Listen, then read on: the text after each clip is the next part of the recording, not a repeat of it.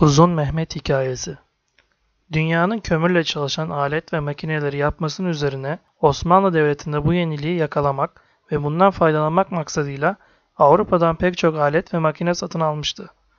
Bunlardan birisi de buharla çalışan bir gemiydi. Gemi buharla çalıştığı için halk ve devlet erkanı tarafından çok merak edilmiş ve en iyi şekilde bakımının yapılması sağlanmıştı. Öyle ki gemiye en iyi mürettebat seçilmiş ve geminin çalışma prensipleri hepsine anlatılmıştı. Gemi Osmanlı denizlerini korumaya başlamış ve düşmanlara büyük bir gözdağı vermişti. Bu geminin çok iyi ve babacan bir kaptanı vardı. Kaptan her terhis döneminde askerliği bitin askerlerine nasihatler verir ve onlara köylerine dönünce gemiyi çalıştıran kara elması yani kömür aramalarını tembih edermiş. Memleketimiz büyük ve maden bakımından verimlidir. Neden bu kara elması dışarıdan alalım? Bizim topraklarımızda pekala bu kara elmas çıkar. Haydi aslanlarım size inanıyorum ki bu kara elması bulasınız diye konuşmalar yapardı. Yıllar geçtikten sonra Mehmet isminde bir askeri oldu. Mehmet uzun ve yetenekli bir askerdi. Gözü pek ve akıllıydı.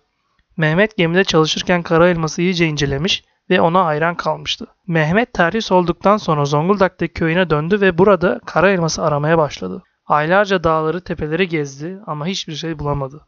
Bir gün yine yorgun argın dağdan inerken gözüne simsiyah taşlar takıldı. Taşları eline alan Mehmet onları iyice inceledi ve gözleri fal taşı gibi açıldı. Bunlar kara elmastı. Kara elması bulduğu için çok mutlu olan Mehmet hemen birkaç tane taş örneğini heybesine attı ve İstanbul'a gidip eski komutanı ziyaret etti.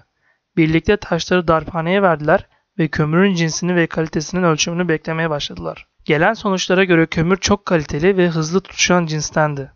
Komutanı ve Mehmet gözyaşları içinde birbirlerine sarıldılar. Mehmet bir kahraman ilan edildi ve memleketinde çok sevilen ve sayılan bir insan oldu. Ancak Zonguldak'ta onun bu kadar ünlenmesini hazmedemeyen Ereğli mütesellimi ona bir suikast yapmayı planladı ve neticede onun zehirlenmesini sağladı. Böylece memleketi için önemli bir madeni keşfeden Uzun Mehmet hayata gözlerini yumdu.